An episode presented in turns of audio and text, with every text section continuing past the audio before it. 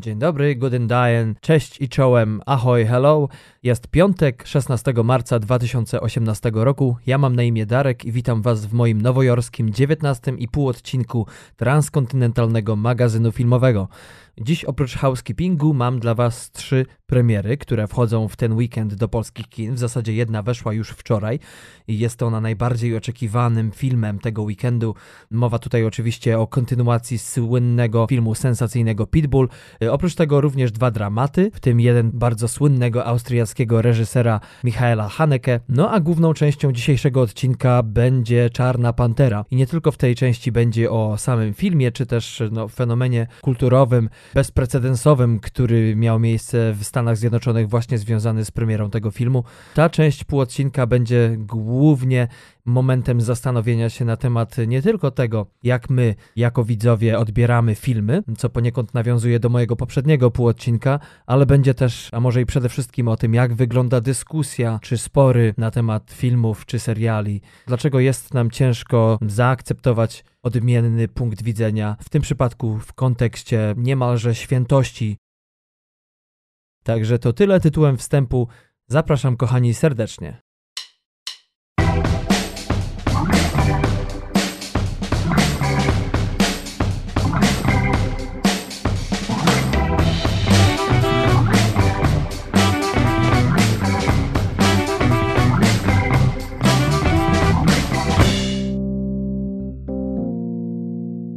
Kiedyś z Patrykiem rozmawialiśmy sobie o naszych półodcinkach. Idea ich tak naprawdę wypłynęła z potrzeby zwiększenia ilości czasu, w którym moglibyśmy się jeszcze lepiej przygotować do naszych odcinków lub też mieć więcej czasu, a przynajmniej żeby jedna osoba miała jego więcej, by obejrzeć trochę więcej filmów i wzbogacić nasz filmozbiór, który wam tutaj na naszych falach prezentujemy. Ale nigdy nie narzucaliśmy sobie nawzajem co ma w nich się znajdować. Raczej obaj daliśmy sobie pełną dowolność, wiadomo w jakichś tam ramach, y, żeby jakoś uformować swoją politykę podcastową, by nadać jakiś kształt y, naszym półodcinkom. U mnie ostatnio schodzi to bardzo w stronę filozofii, no ale związane jest to zawsze z tym, że jako człowiek, jako każdy z nas obserwuje sobie wszystko dookoła i filmy dla mnie osobiście są takim momentem zatrzymania się. I choć y, dany film nie musi objawić nowej prawdy, bardzo często może on być przede wszystkim ważnym przypomnieniem pewnych rzeczy. No i to, co ślina na język przyniesie, to wysłyszycie w tym półodcinku.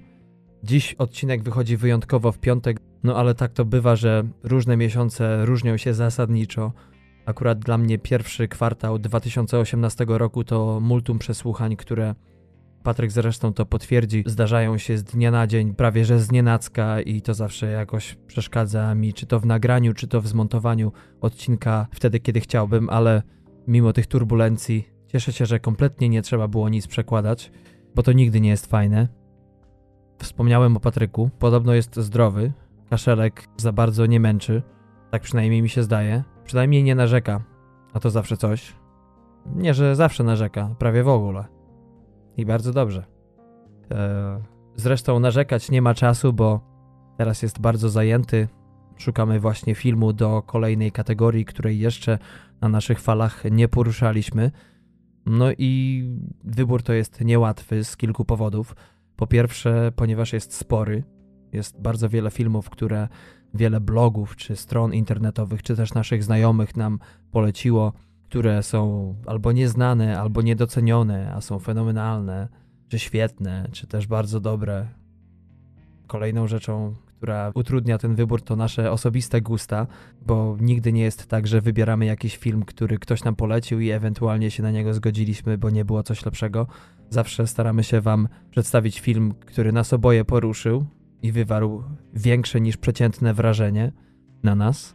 Nie będę zdradzał, jaka to kategoria Powiem tylko tyle, że jeszcze kilka filmów Patryk obejrzy, a zaciągnie się do armii. I już w ogóle będą solówki. Niedawno może słyszeliście, że zmarł Stephen Hawking, no, jeden z najsłynniejszych astrofizyków. No, człowiek naprawdę godny najwyższego szacunku. Urodził się, pamiętam, w rocznicę śmierci Galileusza, a zmarł w rocznicę urodzin Alberta Einsteina. Stephen Hawking jest autorem niezliczonej ilości cytatów i mądrości itd. Tak Pewnego dnia Stephen Hawking powiedział, że największym wrogiem wiedzy nie jest ignorancja, tylko iluzja, że się tę wiedzę ma. I to tak najbardziej zapadło mi w pamięć. To jest dość spore zagadnienie, bo w sferze publicznej przecież wszyscy mają gotową odpowiedź na prawie że każde pytanie. I to niezależnie od poglądów, czy koloru skóry, czy też kraju. Wiadomo też, kto wyraźnie błądzi, czytając wszystko dookoła, bo dziwnie zawsze jest to druga strona. No a o mediach społecznościowych nie ma już co wspominać, bo um, takie czasy. Jeśli chodzi o Stany Zjednoczone, no to przede wszystkim w eterze non-stop rozbrzmiewa debata na temat y, ograniczenia dostępu do broni. Mówi się o protestach y, w szkołach. Dwa dni temu w środę właśnie w wielu szkołach młodzież wyszła ze szkół, żeby zaprotestować przeciwko obecnie istniejącym regulacjom. Jedną z bardziej skutecznych metod ostatnio był apel młodzieży, która przeżyła ostatni zamach, żeby nikt się nie udał na Florydę w ramach tzw. Tak spring break, czyli ferii wiosennych.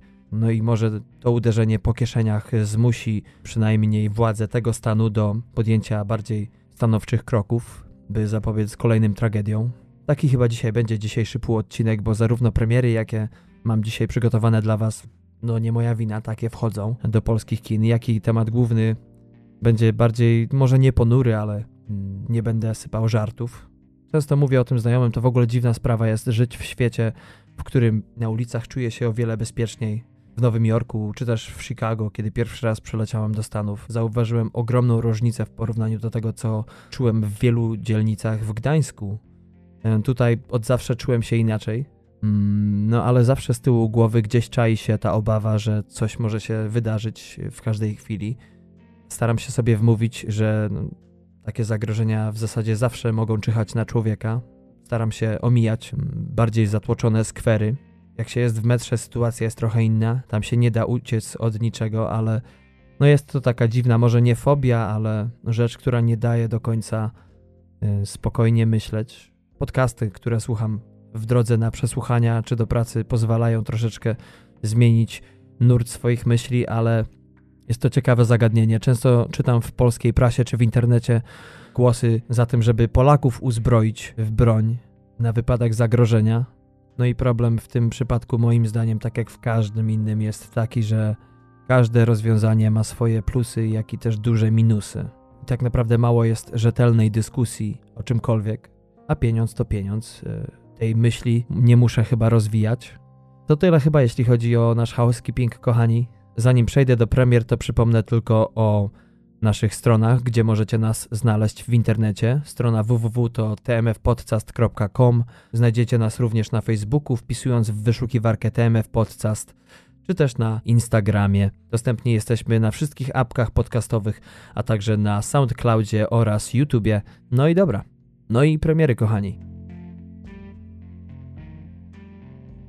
Dziś mam przygotowane trzy dla Was, o których będę chciał Wam powiedzieć.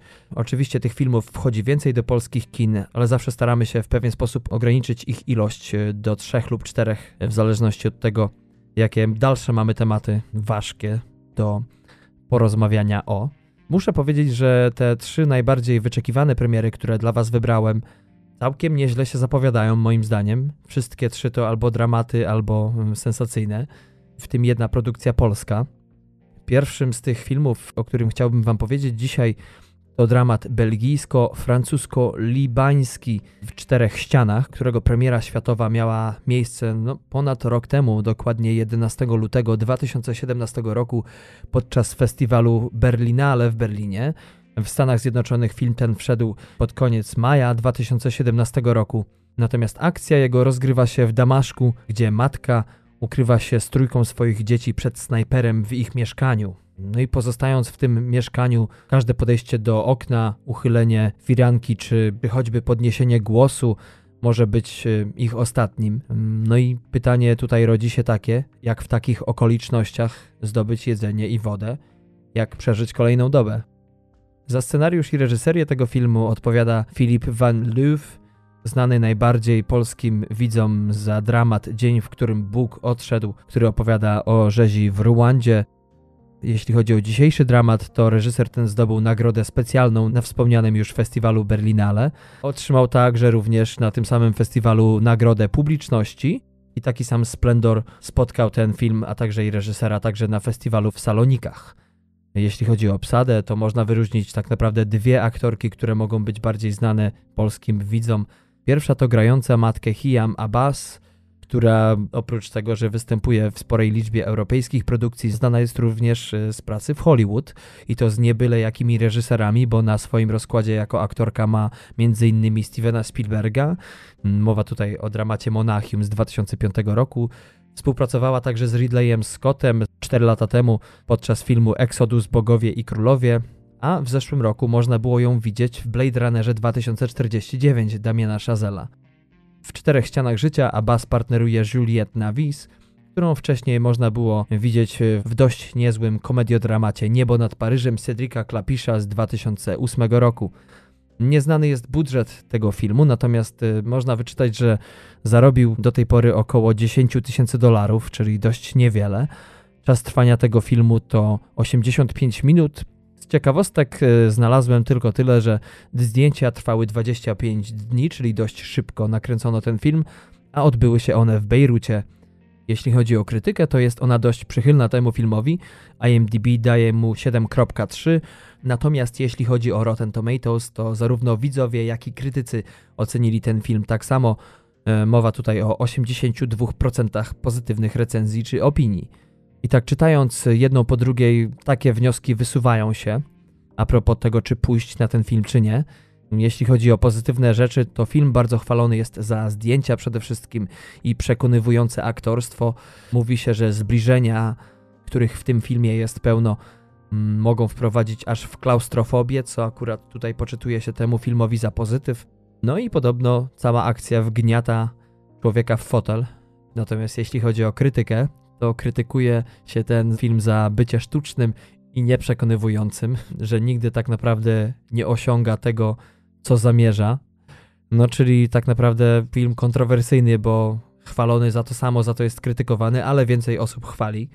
Więc może naprawdę warto, jeżeli macie ochotę na mocne i dość, y, no przynajmniej w zamierzeniu realistyczne sceny. Ten reżyser już właśnie we wspomnianym wcześniej filmie o rzezi w Rwandzie ucieka się do bardzo realistycznych środków, co może nie jest dla widzów o słabych nerwach, ale ci bardziej wytrzymalsi być może znajdą kolejną produkcję, która da im to, czego oczekują od kina. Drugim dramatem, który dzisiaj dla Was przygotowałem, jest film, który jest na kontrze lekko do tego pierwszego, bo już sam tytuł sugeruje w porównaniu do tego, o czym jest film, naprawdę sporą dawkę sarkazmu. Mowa tutaj o dramacie produkcji austriacko-francusko-niemieckiej pod tytułem Happy End. Jest to pierwszy od pięciu lat film Michaela Hanekego. Film ten również był austriackim kandydatem do tegorocznych Oscarów w kategorii filmu nieanglojęzycznego tej nominacji jednak nie otrzymał. Premiera tego filmu miała miejsce 22 maja w zeszłym roku na festiwalu w Cannes, natomiast do kina wszedł on we Francji najwcześniej 4 października zeszłego roku. Akcja filmu zaczyna się od montażu ujęć ze smartfona, którym to mała dziewczynka rejestruje otaczającą ją rzeczywistość. Najpierw widzimy jej matkę podczas porannej toalety, by następnie być świadkami tego, co dzieje się z chomikiem po podaniu mu psychotropów. No, czyli już wiemy, gdzie ten film idzie. I tak oto rozpoczyna się ta historia niezbyt szczęśliwych przypadków, e, którymi twórca filmu obdarza rodzinę głównych bohaterów.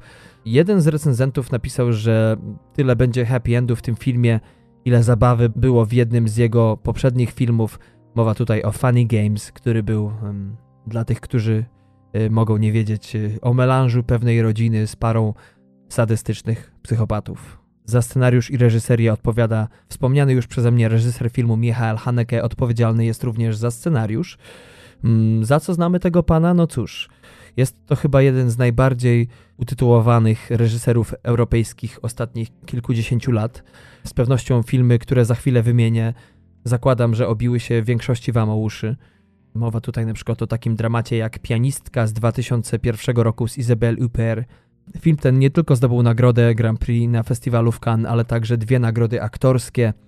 Potem był sobie taki dramat jak Biała Wstążka z 2009 roku, który otrzymał dwie nominacje do Oscara, a także Złotą Palmę czy Złoty Glob za dramat. Natomiast jego ostatnim, najbardziej znanym filmem i nie mniej utytułowanym jest dramat Miłość z 2012 roku, który to otrzymał dwie nominacje do Oscara, a także Złotą Palmę w Cannes, Złotego Globa oraz BAFTę.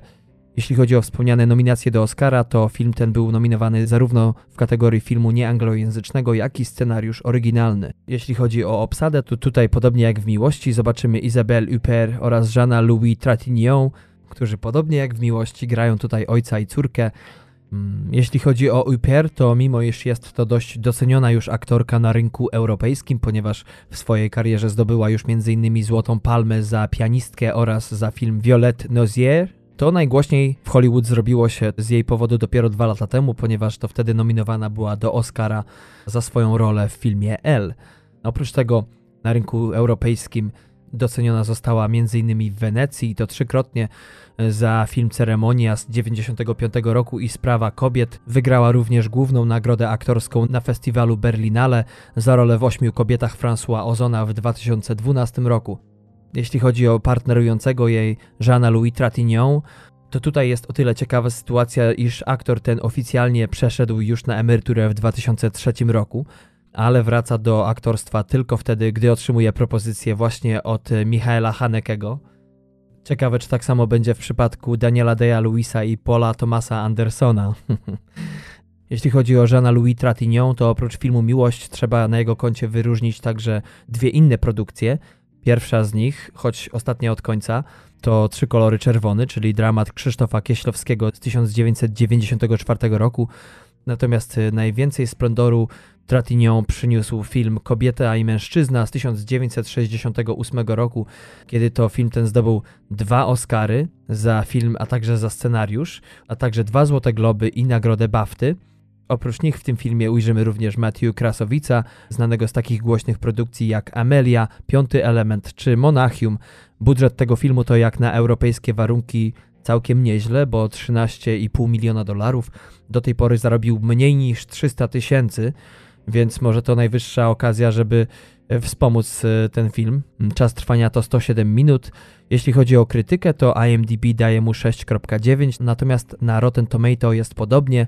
68% krytyków wypowiada się pozytywnie o filmie, a nieco mniej, bo 60% jeśli chodzi o widzów. Mówi się, że ten film to nadal Haneke i jego solidny warsztat, bo tak jak poprzednie produkcje, taki ten film jest ambitny, prowokacyjny, też przygnębiający, ale też temu przygnębieniu nie można się oprzeć. No i w ogóle świetna gra aktorska, która tutaj podobno zasługuje tym bardziej na wyróżnienie ze względu na ilość długich ujęć, e, które mają miejsce w tym filmie.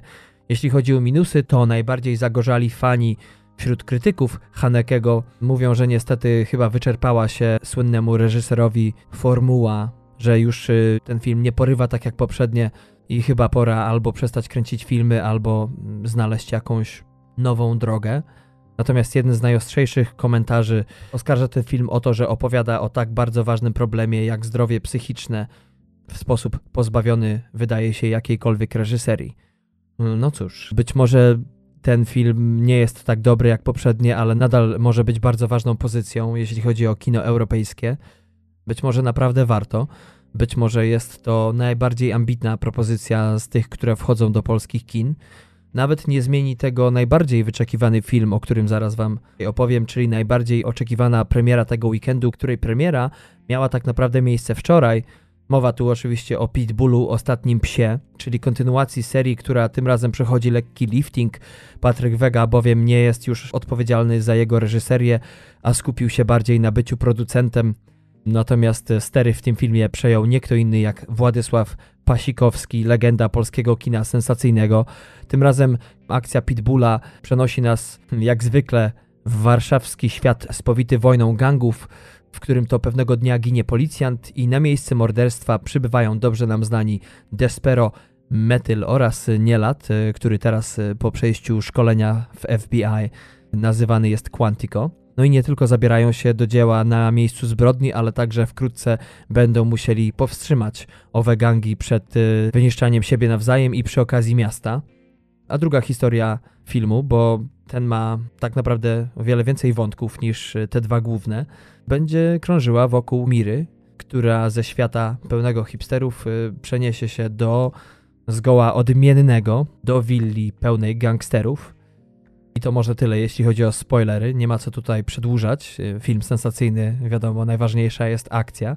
Władysław Pasikowski, tego pana nie trzeba nikomu przedstawiać. W tym roku skończy 59 lat w czerwcu.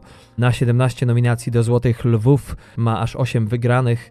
Oprócz takich kultowych filmów jak Psy czy Demony Goi, czy też Operacja Samum, znany jest również z takich filmów jak thriller Pokłosie z 2011 roku z Maciejem Szturem, czy też thriller szpiegowski Jack Strong z 2014 roku o pułkowniku Ryszardzie Kuklińskim. W tym filmie główną rolę zagrał Marcin Dorociński, który również należy do głównej obsady Pitbulla.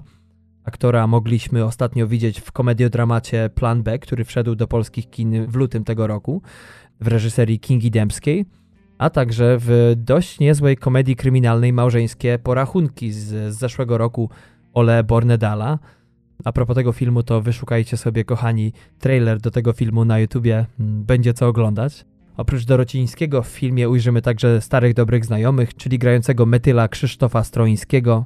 Ostatnio tego aktora widzieliśmy m.in. w filmie familijnym Tarapaty z zeszłego roku Marty Karwowskiej, czy trzy lata temu w thrillerze Anatomia zła Jacka Bromskiego. Nie lata, a dziś Quantico gra oczywiście Rafał Mor, do którego najbardziej znanych filmów w ostatnich latach należą thriller Czerwony Pająk z 2015 roku Marcina Koszałki, czy też Nie mów do mnie, Mamo Zofii Kowalewskiej z 2016 roku.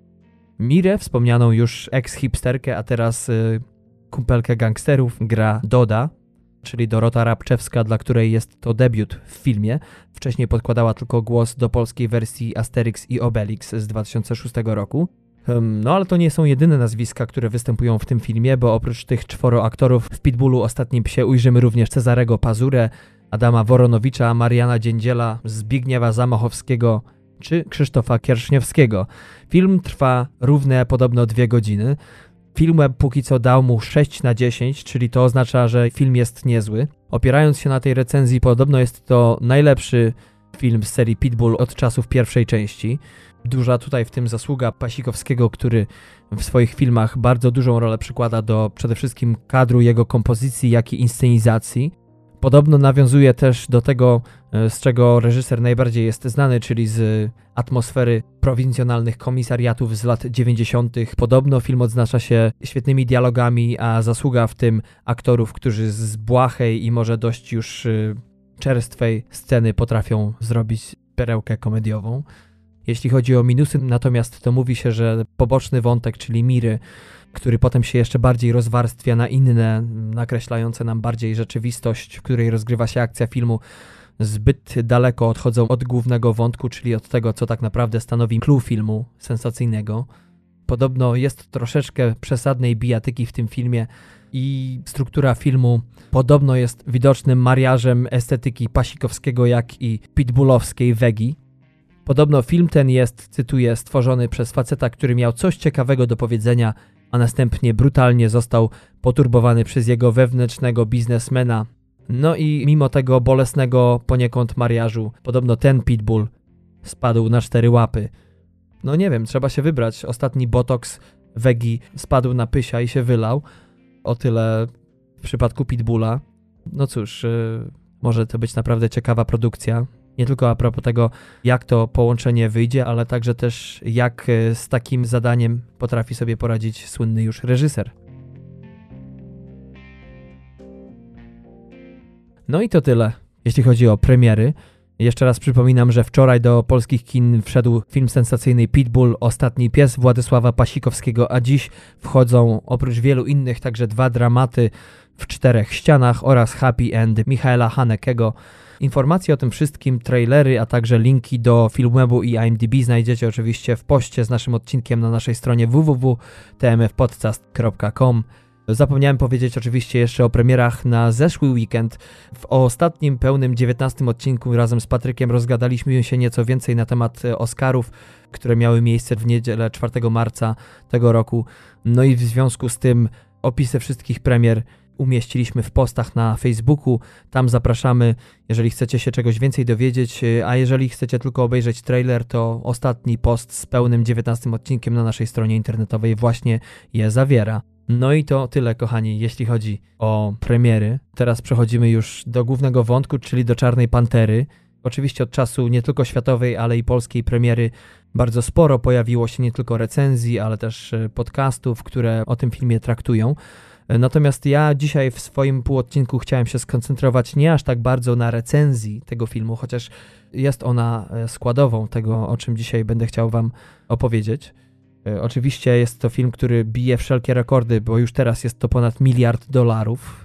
I mimo już dochód słabnie, to nadal jeszcze kasa dość żwawo napływa jest to film, na który społeczność afroamerykańska czekała od zawsze, tak naprawdę. Amerykański rynek, jeśli chodzi o twórców, jest dość ubogi. Głównie polega to na tym, że jednak bogatszą klasę średnią no, nadal w większości stanowi biała społeczność Stanów Zjednoczonych, która chcąc nie chcąc ma lepszy dostęp do edukacji. To ma bardzo duże znaczenie w tym kraju. Najbiedniejsza społeczność, czyli właśnie afroamerykańska, tak jak każda inna biedna ma swoje problemy. I mowa tutaj nie tylko o właśnie tym słabym dostępie do edukacji, ale także o pewnym wykluczeniu społecznym, które często jest narzucane przez y, samych członków tej grupy. Nawet w Nowym Jorku jest sporo szkół, które przyjmują za darmo, nie tylko jeśli chodzi o szkołę średnią, ale i też college i dają jakąś szansę na start w życiu, na wiedzę, na nowe znajomości no to jednak to jest bardzo skomplikowany proces społeczny, który jest bardzo ciężko rozwiązać. Y, no ale w końcu ukazał się pierwszy, prawie cały czarnoskóry film i od razu stał się nie tylko hitem, ale też i naprawdę eksplozją radości, głównie w internecie i mediach społecznościowych. Film ten jest świetnie oceniany przez zarówno IMDb, jak i Rotten Tomatoes, jeśli chodzi o krytyków. Nie ma najlepszej oceny, jeśli chodzi o widzów, bo bodajże było to ostatnio, jak sprawdzałem, 79% na Rotten Tomatoes. Um, może teraz się to zmieniło. No cóż, filmy takie ważne są z wielu powodów, ale przede wszystkim dlatego, że tak jak każda inna dziedzina sztuki, stanowi dziedzictwo narodowe i w końcu dość liczna i naznaczona wieloma cierpieniami społeczność czarnoskóra jest w stanie budować sobie swoje dziedzictwo, swoją świadomość. Ten krok, choć milowy, jest mimo wszystko drobnym jeszcze, patrząc na ogół powstających produkcji, ale wszystko przed nami, świat się zmienia. Historia filmu oczywiście opowiada o Wakandzie, czyli takim Eldorado powstałym miliony lat temu w wyniku wojen plemion, które pewnego dnia doszły do porozumienia, ustaliły warunki pokojowe, no i jeden z wojowników dostąpił zaszczytu bycia pierwszą czarną panterą, a w byciu niezwyciężonym przywódcą pomóc miała czarnej panterze specjalna roślina, z której przyrządzono specjalny wywar powodujący nadludzką siłę. To tyle jeśli chodzi o genezę. Akcja filmu natomiast zawiązuje się wokół nie tylko Erika Killmongera, ale też słynnego Klo, którzy mają wykraść vibranium, czyli taką czarnopanterowską wersję kryptonu, materiału, metalu, którego magiczne działania stoją u podwalin rozwoju technologicznego i sukcesu całej społeczności Wakandy. Metal ten ma zostać sprzedany pewnemu agentowi FBI w południowej Korei, no i wszystko w rękach, nogach i grzbiecie Tichali oraz jego byłej dziewczyny Nakii, zadaniem których jest nie tylko odzyskanie wspomnianego vibranium, ale także wymierzenie Klo sprawiedliwości i zaprowadzenie go przed Wokandę Wakandy. Budżet tego filmu przekroczył 200 milionów dolarów. Do tej pory, jak już wspomniałem, zarobił około miliarda 93 milionów.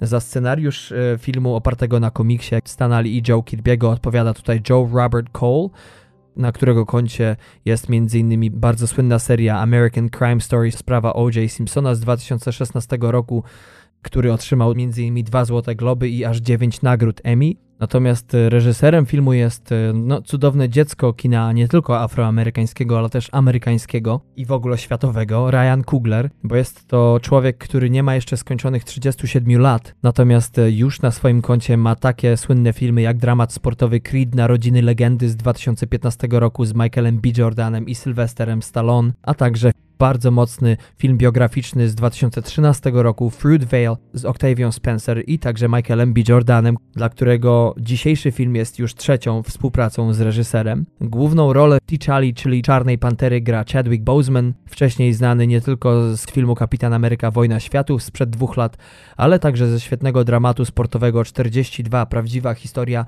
amerykańskiej legendy z 2013 roku, gdzie to zagrał Jackiego Robinsa, pierwszego afroamerykańskiego baseballisty w historii e, Ligi Baseballowej w Stanach Zjednoczonych.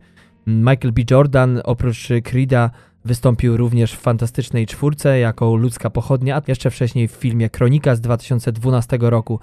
W ogóle jeśli chodzi o obsadę tego filmu, to jest ona naszpikowana gwiazdami, bo Kolejną postacią jest y, Nakia, czyli Lupita Nyong'o, laureatka Oscara za rolę drugoplanową w filmie Zniewolony 12 Years a Slave z 2014 roku, która wystąpiła również w ostatnich dwóch odsłonach Gwiezdnych Wojen, czyli w Przebudzeniu Mocy oraz w Ostatnim Jedi.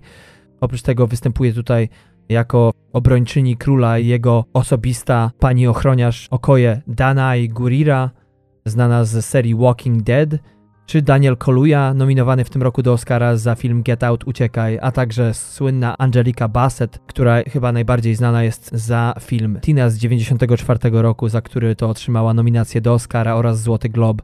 Oprócz tego na rozkładzie mamy kolejnego zdobywcę Oscara. Mowa tutaj o Forestie Whitakerze, który te nagrody zdobył za Ostatniego Króla Szkocji w 2006 roku.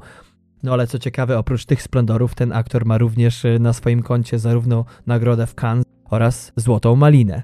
Wszystko dopełnia oczywiście Andy Serkis, grający Claw, czyli drugiego z antybohaterów.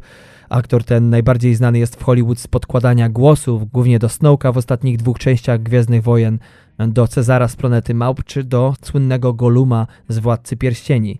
Całość domyka drugi białoskóry aktor, czyli Martin Freeman, który tutaj w tym filmie gra wspomnianego już agenta FBI Everetta Rossa.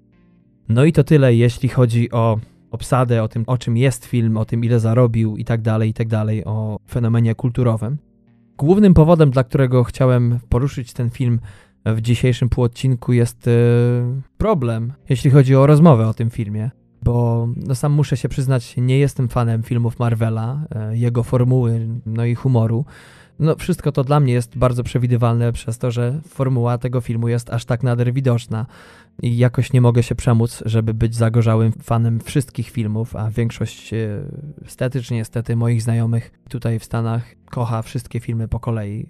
Fani Marvela w ogóle dzielą się zasadniczo na dwie grupy. Tych, którzy oceniają filmy Marvela w kategorii właśnie filmów marvelowskich, gdzie tak jak w przypadku Gwiezdnych Wojen Sama kategoria rządzi się swoimi prawami i podąża, no już teraz dość sobie dobrze wypracowaną formułą. I nie ma problemu, jeśli chodzi o rozmowę na temat e, tego czy tamtego filmu, bo często jeżeli się nie zgadzamy, to przynajmniej jesteśmy w stanie wzajemnie się zrozumieć, e, naszą optykę czy sposób, w jakim odbieramy filmy. No i mówię, na końcu niekoniecznie nasze stanowiska mogą ulec zbliżeniu się, ale mimo wszystko jesteśmy w stanie podać sobie dłonie i nawet poczuć, że to w sumie fajnie jest się móc e, kulturalnie pokłócić. Moje problemy, jeśli chodzi o rozmowy na temat filmów, nie tylko marvelowskich, ale przede wszystkim pojawiają się z drugą, najzagorzalszą grupą fanów, którzy mocno emocjonalnie podchodzą do jakiejkolwiek próby podważenia wielkości dzieła. No i o ile oni mają do tego prawo, oczywiście, to dalsza rozmowa nasza zazwyczaj kompletnie nie ma sensu, bo ludzie tacy jak ja, zauważyłem, podchodzą do tematu umiejscowiając film w szerszym kontekście, czyli w kontekście w ogóle filmów. Natomiast e, zagorzali fani nie tyle nie widzą tej optyki, co paradoksalnie moim zdaniem stawiają ten film właśnie w szrankach ze wszystkimi innymi filmami i argumenty y, a propos pewnych niedoskonałości, niedociągnięć, czy to fabularnych, czy to aktorskich, czy to jeśli chodzi o samą historię, czy w ogóle jeśli chodzi o samo tempo filmu, przypominają tutaj rzucanie grochem o ścianę. No nie chcę tutaj oczywiście w dzisiejszym półodcinku, broń Boże, jechać na zagorzałych fanów Marvela. Nie o to chodzi, no ale z racji tego, że ja akurat jestem nie antyfanem, ale nie jestem fanem Marvela, o, może tak powiem. Dzielę się dzisiaj swoją perspektywą, jeśli chodzi właśnie o te czy inne spory filmowe. Oczywiście z drugiej strony jak przy każdym filmie pojawiają się recenzje, które tak mocno wczytują się w to, co podobno jest między wierszami w tym filmie i tak negatywnie ten film przez to oceniają, że no, nie sposób nie stwierdzić, że ktoś po prostu nie miał zbyt dobrego dnia na popełnienie recenzji mm, o Czarnej Panterze. Takie recenzje przydarzają się nawet najlepiej ocenianym filmom w historii. Mowa tutaj nawet o najlepiej ocenionym przez portal IMDb filmie Wskazani na Shawshank, który ma kilka niszowych, mocno niszowych, y, negatywnych recenzji, które czytając ja po dłuższym czasie po prostu nie mogłem brać na poważnie. No ale odrzuciwszy już skrajnie antagonistyczne wpisy, pytanie pojawia się takie: no dobrze, jak więc ocenić film, umieszczając go poza ramy jego gatunku? Jakie jest e, główne kryterium, którym należy się kierować, oceniając dane dzieło? No, jeden z moich profesorów powiedział mi kiedyś, że najważniejszy jest uniwersalizm w dziele, czyli czy to utwór muzyczny, sztuka teatralna, czy film, może być odebrany na swój sposób przez wielokulturowe społeczeństwo, tak w świecie idealnym. Mm, I wiele jest takich filmów, które są doceniane przecież, takie jak chociażby Klient, który zdobył Oscara za film nieanglojęzyczny. I to dało mi sporo do myślenia, kiedy usłyszałem te słowa pierwszy raz, bo pamiętam dwa takie przypadki w moim życiu. Pierwsze to jeszcze kiedy mieszkałem w Polsce, w Gdańsku. No i wielkim przeżyciem dla mnie był festiwal szekspirowski, który się tamże odbywał. Festiwal ten co roku mm, ściąga grupy teatralne z całego świata. No i ja mimo wszystko, będąc od wielu lat fanem Szekspira, nie znam wszystkich jego sztuk, a tym bardziej nie znam większości z jego sztuk słowo po słowie.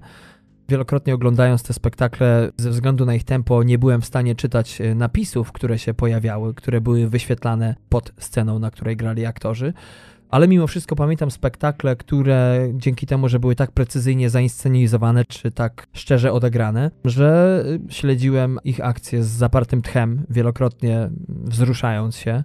Drugi przypadek, o czym mówię, to reżyseria spektaklu amerykańskiego w polskim tłumaczeniu przez amerykańskiego reżysera, który nie znał polskiego. To się odbyło bodajże 8 lat temu w Gdańsku. No i co prawda reżyser ten znał sztukę na pamięć, ale wielokrotnie, gdy reżyserował aktorów i coś nie grało, on to idealnie wyczuwał i patrząc z boku, byłem zawsze pod wrażeniem, że jak on może, mimo świetnej znajomości danej sceny, jak on potrafił ocenić, czy dany aktor nie jest szczery w danej scenie, odgrywając daną rolę. No i wniosek, e, przynajmniej dla mnie, nasuwa się sam.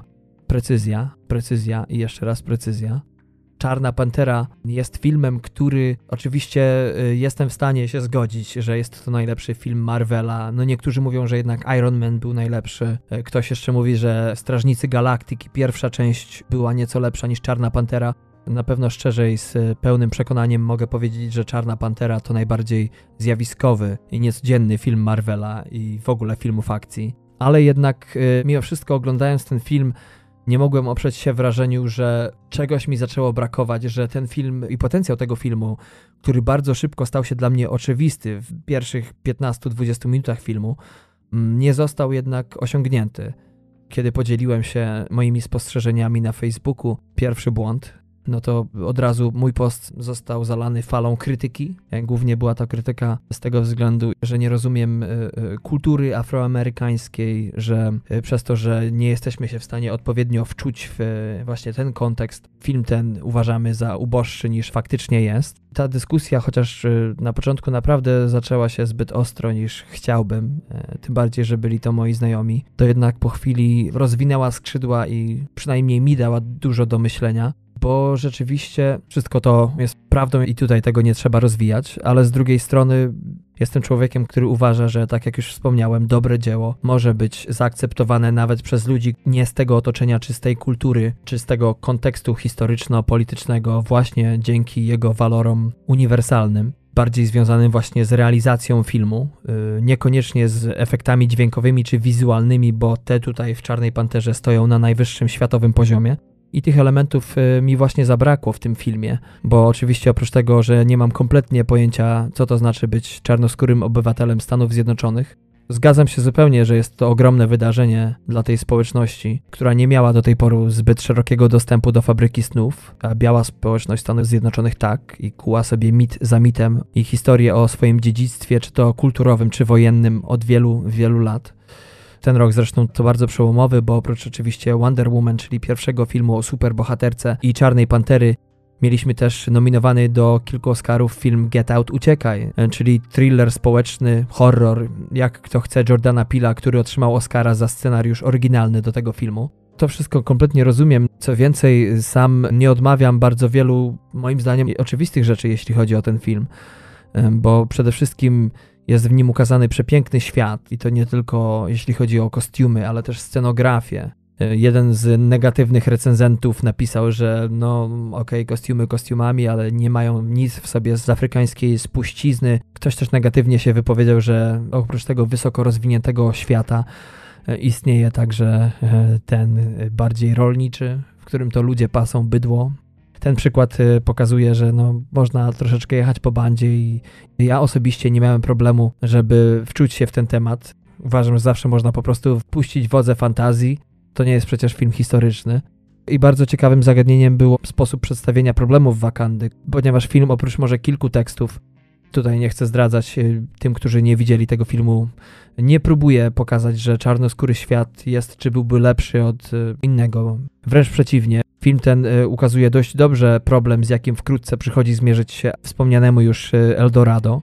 Ten świat jest odizolowany od świata zewnętrznego a to wszystko dzieje się w momencie, kiedy ten drugi zaczyna trząść się w swoich posadach i Wakanda staje przed dylematem moralnym, czy dalej izolować się, mm, nie mając nic wspólnego z zagrożeniami cywilizacyjnymi, które pozostała ludzkość za sobą niesie, czy też jednak mając ichnią wersję Kryptonu, czyli wspomniane Vibranium, przyjść z pomocą ludzkości co też jest świetną metaforą amerykańskiego izolacjonizmu z początku XX wieku. Ponadto ważnym aspektem filmu jest nie tylko to, że pokazuje on, jak dobra wola może przynieść tragiczne konsekwencje, ale także to, jak różne bywają postawy patriotyzmu, często wydaje się e, wykluczające siebie nawzajem.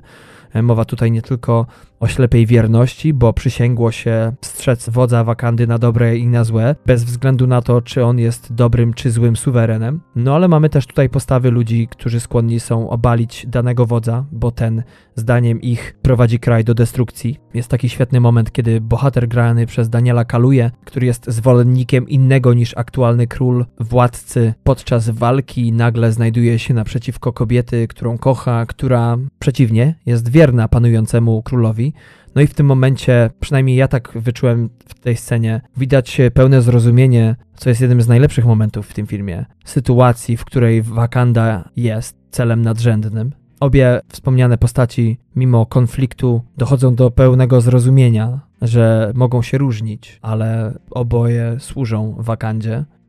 I to y, sprowadza mnie do jednego z największych plusów, jakie ja zawsze przypisuję filmom akcji, które lubię, Takim największym smaczkiem dla mnie w filmie akcji są momenty, w których film łamie reguły gry. W przypadku Czarnej Pantery tym największym, najbardziej dobitnym złamaniem reguł gry oprócz e, kontekstu kulturowego, jest to, że w jak żadnym innym filmie Marvela nie ma tak mało rozlewu krwi. Mamy tutaj walczące kobiety, które z pewnością dorównują, jeśli momentami nawet nie przewyższają swoją odwagą mężczyzn. No i mamy właśnie wyszkolonych wojowników, którzy też nie rozlewają krwi na prawo i lewo, tak jak w każdym pierwszym lepszym z brzegu filmie akcji.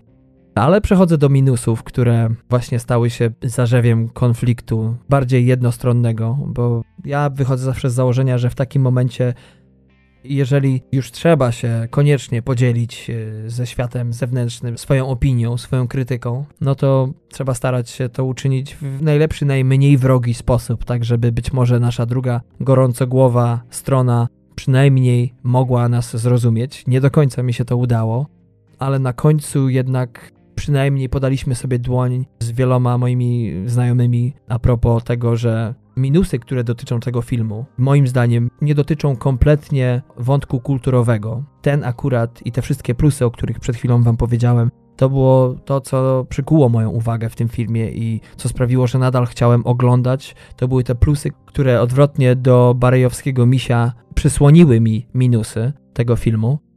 Największym problemem tego filmu, moim zdaniem, czy on był rewolucyjnym, czy nie, było to, że jednak jest to film marvelowski i to w jak orzeźwiający sposób przedstawił nową społeczność, nowe zagadnienie, jeśli chodzi o filmy akcji, nie współgrało z formułą, którą narzuca Marvel. Po pierwszym kwadransie 20 minutach już wiedziałem, że będzie to film, e, który nie powinien był zostać, moim skromnym zdaniem, wyprodukowany przez Marvela, że jednak pułap, na który ten film mógł się wspiąć, nie został przez niego osiągnięty i to ze względu na różne rzeczy.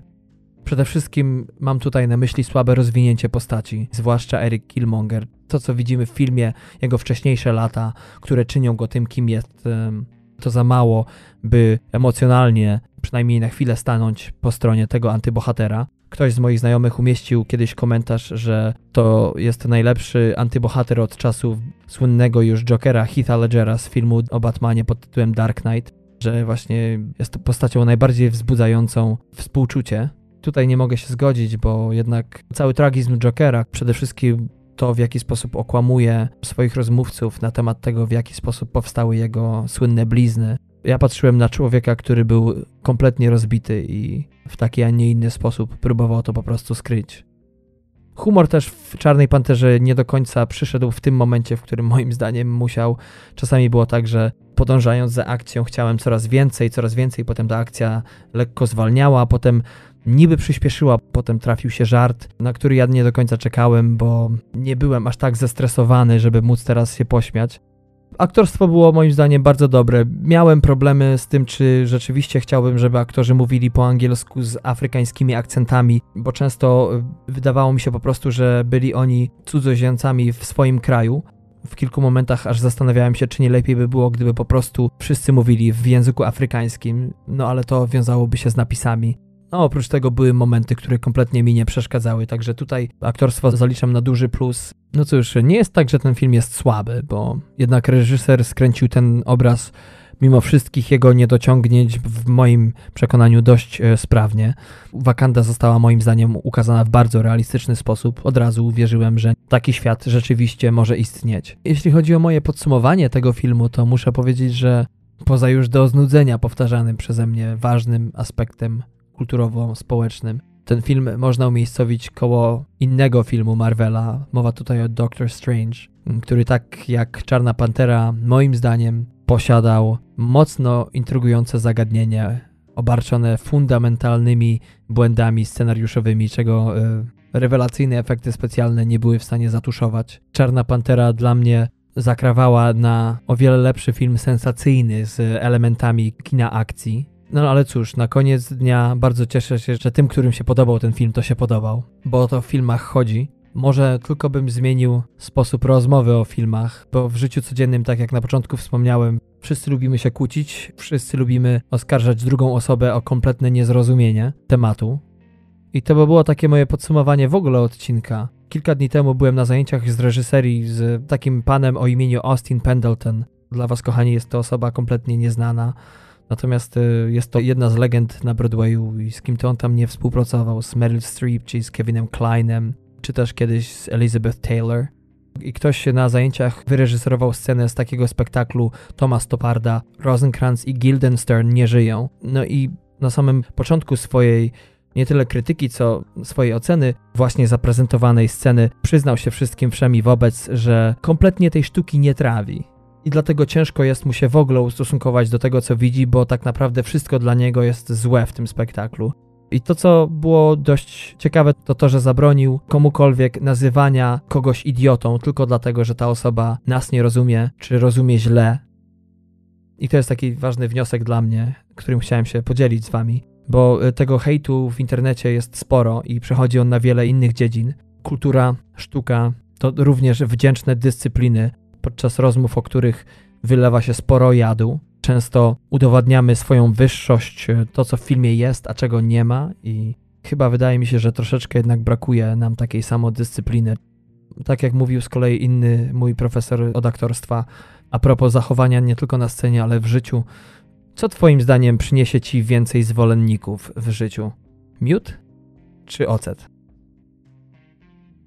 I to chyba będzie taki wniosek ostateczny dzisiejszego półodcinka. Dzięki, że wysłuchaliście moich wyżaleń, moich wypłakań się. To by było na tyle, jeśli chodzi o dzisiejszy 19,5 odcinek nowojorski. Zapraszam do posta z naszym odcinkiem na www.tmfpodcast.com. Tam znajdziecie trailery i linki do tego, o czym dzisiaj mówiłem. Oprócz tego zapraszamy również na Facebook. Wystarczy wpisać w wyszukiwarkę TMF Podcast. Tam codziennie ukazują się nie tylko wiadomości ze świata filmu i seriali, ale także krótkie filmiki itp. itd., a także od czasu do czasu właśnie premiery kinowe, które wchodzą do polskich kin, Zaproszę Was jeszcze na kolejny odcinek, który wyjdzie pod koniec przyszłego tygodnia. Będzie to 20 okrągły odcinek. E, jaki to będzie film? Jeszcze z Patrykiem do końca nie ustaliliśmy, ale na dniach to zostanie zrobione. Dzięki jeszcze raz za uwagę dzisiaj. Trzymajcie się ciepło, kochani. Życzę miłego weekendu. Do zobaczenia, do usłyszenia. Cześć.